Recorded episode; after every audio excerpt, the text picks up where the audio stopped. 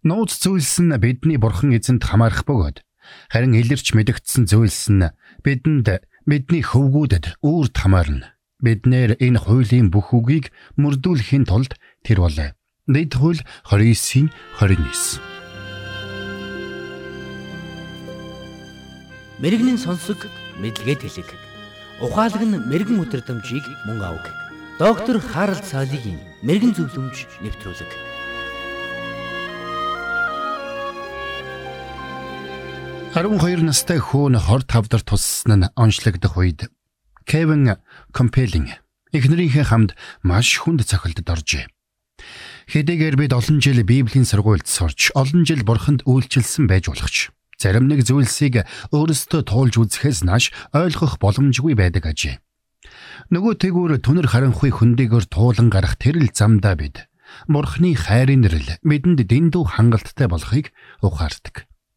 Гэр бүлтэн тохиолдсон энэ завлан бэрхшээл Кевиний сурч мэдсэн болон итгэдэг бүхэнтэй зөрчилдөх мэт санагдж байжээ. Энэ тухайга дурсан ярихдаа тэрээр би хариултуудыг хайж эхэлсэн. Гэхдээ хэдий ч нэ их Библи судалж, хэдий ч нэ их залбирна. Төдий ч нэ нэг зүйл тодорхой болсоор байлаа. Бурхан надад тайлбарлаж өгөхгүй л бол би юугч өөртөө болон бусдад тайлбарлан хэлж өгч чадахгүй гэдгээ улам бүр ухаарах болсон гэсэн байдаг. Би анх хүүмэн энэ аимшигтай өвчин туссныг мэдээд яагаад гэдгийг мэдэх гэж маш их хичээсэн. Яагаад гэсэн асуултын хариултыг л авчих юм бол бүх зүйл сайхан болох гээд байгаа юм шиг надад санагддаг байсан. Гэвч олон сарын туршид хавдартай тэмцэх аялал хийсний эцэст үнэн дээр яагаад гэсэн асуултын хариулт надад хэрэггүй. Тэр бүхэл миний хүсэж байсан зүйл биш болохыг ухаарсан юм. Хэдийгээр надад хариултыг нь мэдэхгүй олон асуулт байсан ч түүнээс үл шалтгаалаад Бурхны хүчрхэг оршихуй миний амьдралд манай гэр бүлийн дээр дүүрэн байгааг би мэдэрсэн. Тэрэл мөчид би миний бурхан надад дэндүү хангалттай болохыг ухаарсан. Химэн тэр ярьсан юм. Түүний хэлсэн нэг өгүүлбэрийг та анзаарсан уу? Бурхан надад тайлбарлаж өгөхгүй л бол би юу ч өөртөө болон бусдад тайлбарлан хэлж өгч чадахгүй гэж тэр хэлсэн шүү дээ. Тэгвэл би танаас асууя.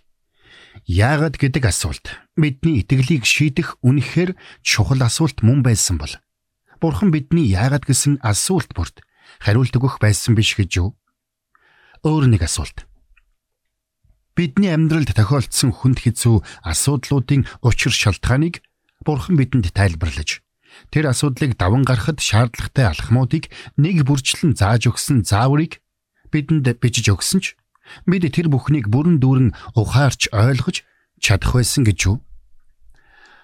Үнэн дээр Бурханы бидэнд тайлбарлаж өгөөгүй зүйлсийг бид бүрэн дүүрэн ойлгож ухаарч чадахгүй юм. Хэдий тийм ч Бурхан бидний зовлон шаналлыг үл тоодоггүй. Бас заримдаа тэр бидний залбиралд хариулахгүй байгаа мэт бидэнд санагддаг ч Энэ нь биднийг бурхнаас холдоход хүргдэггүй.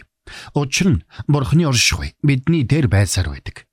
Библийн хамгийн эртний номуудын нэгд яг ийм асуудалтай нүүр тулсан хүний тухай өгүүлсэн байдаг. Тэр хүний нэрийг Йов гэдэг. Хэдийгээр Библиэд түүнийг зөв шудраг хүн хэмээн тодорхойлсон байдаг ч тэр байгалийн гамшигт өр хүүхдүүдээ алдаж эцэст нь мал сүрэг, эд хөрөнгө, найз нөхөд, гэр бүл байгаа бүхнээ алдсан.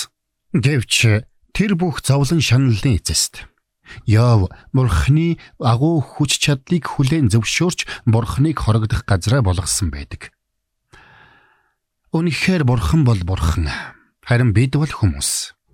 Тиймээс бид альва зүйлсийг бурхантай адил төвшөнд бүрэн ойлгохыг хүсвэл нэг бол бид бурхны төвшөнд хүрэх эсвэл бид бурхныг өөрсдийнхөө төвшөнд авчрах шаардлагатай болно гэсэн үг.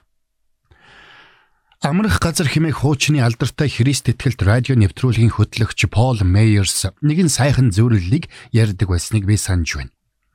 Нэгэн бяцхан хүн тоглоом эвдчихэд аав дээрээ нулимс туслуулан ирж "Аава, яагаад миний тоглоом эвдэрчих вэ? Яагаад ажиллахгүй байгаа юм бэ?" хэмээн асуужээ.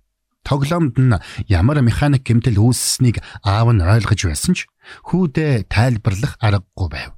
Учир нь тэр бүх техникийн асуудлууд хүүхдийнх нь балчир ухаанд хитрхи ахадсан зүйл гэдгийг тэр аав сайн мэдэж байсан. Иймээс тэр тоглоомын гэмтлийг тайлбарлаж өгөхийг оролдохын оронд зүгээр л хүүгээ тэрвэрэд аав нь хүүдээ хайртай шүү. Мэдхий санаа зовдоо хэмээн тайвшруулсан гэдэг.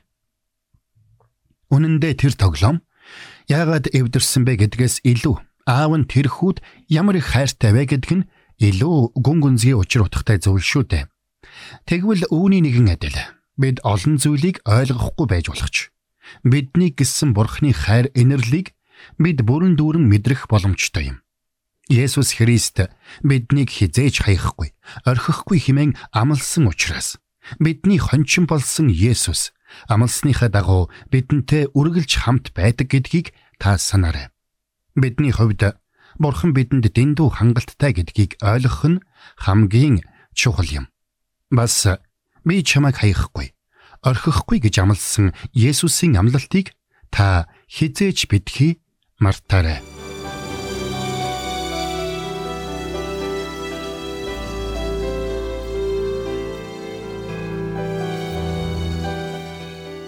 Мэргэн нэгнийг дагуул мэргэн, мулгуутай нөхөрлөл хорлол Доктор Харалт цайлигийн мэрэгэн зөвлөмж нэвтрүүлэг танд хүрэлээ.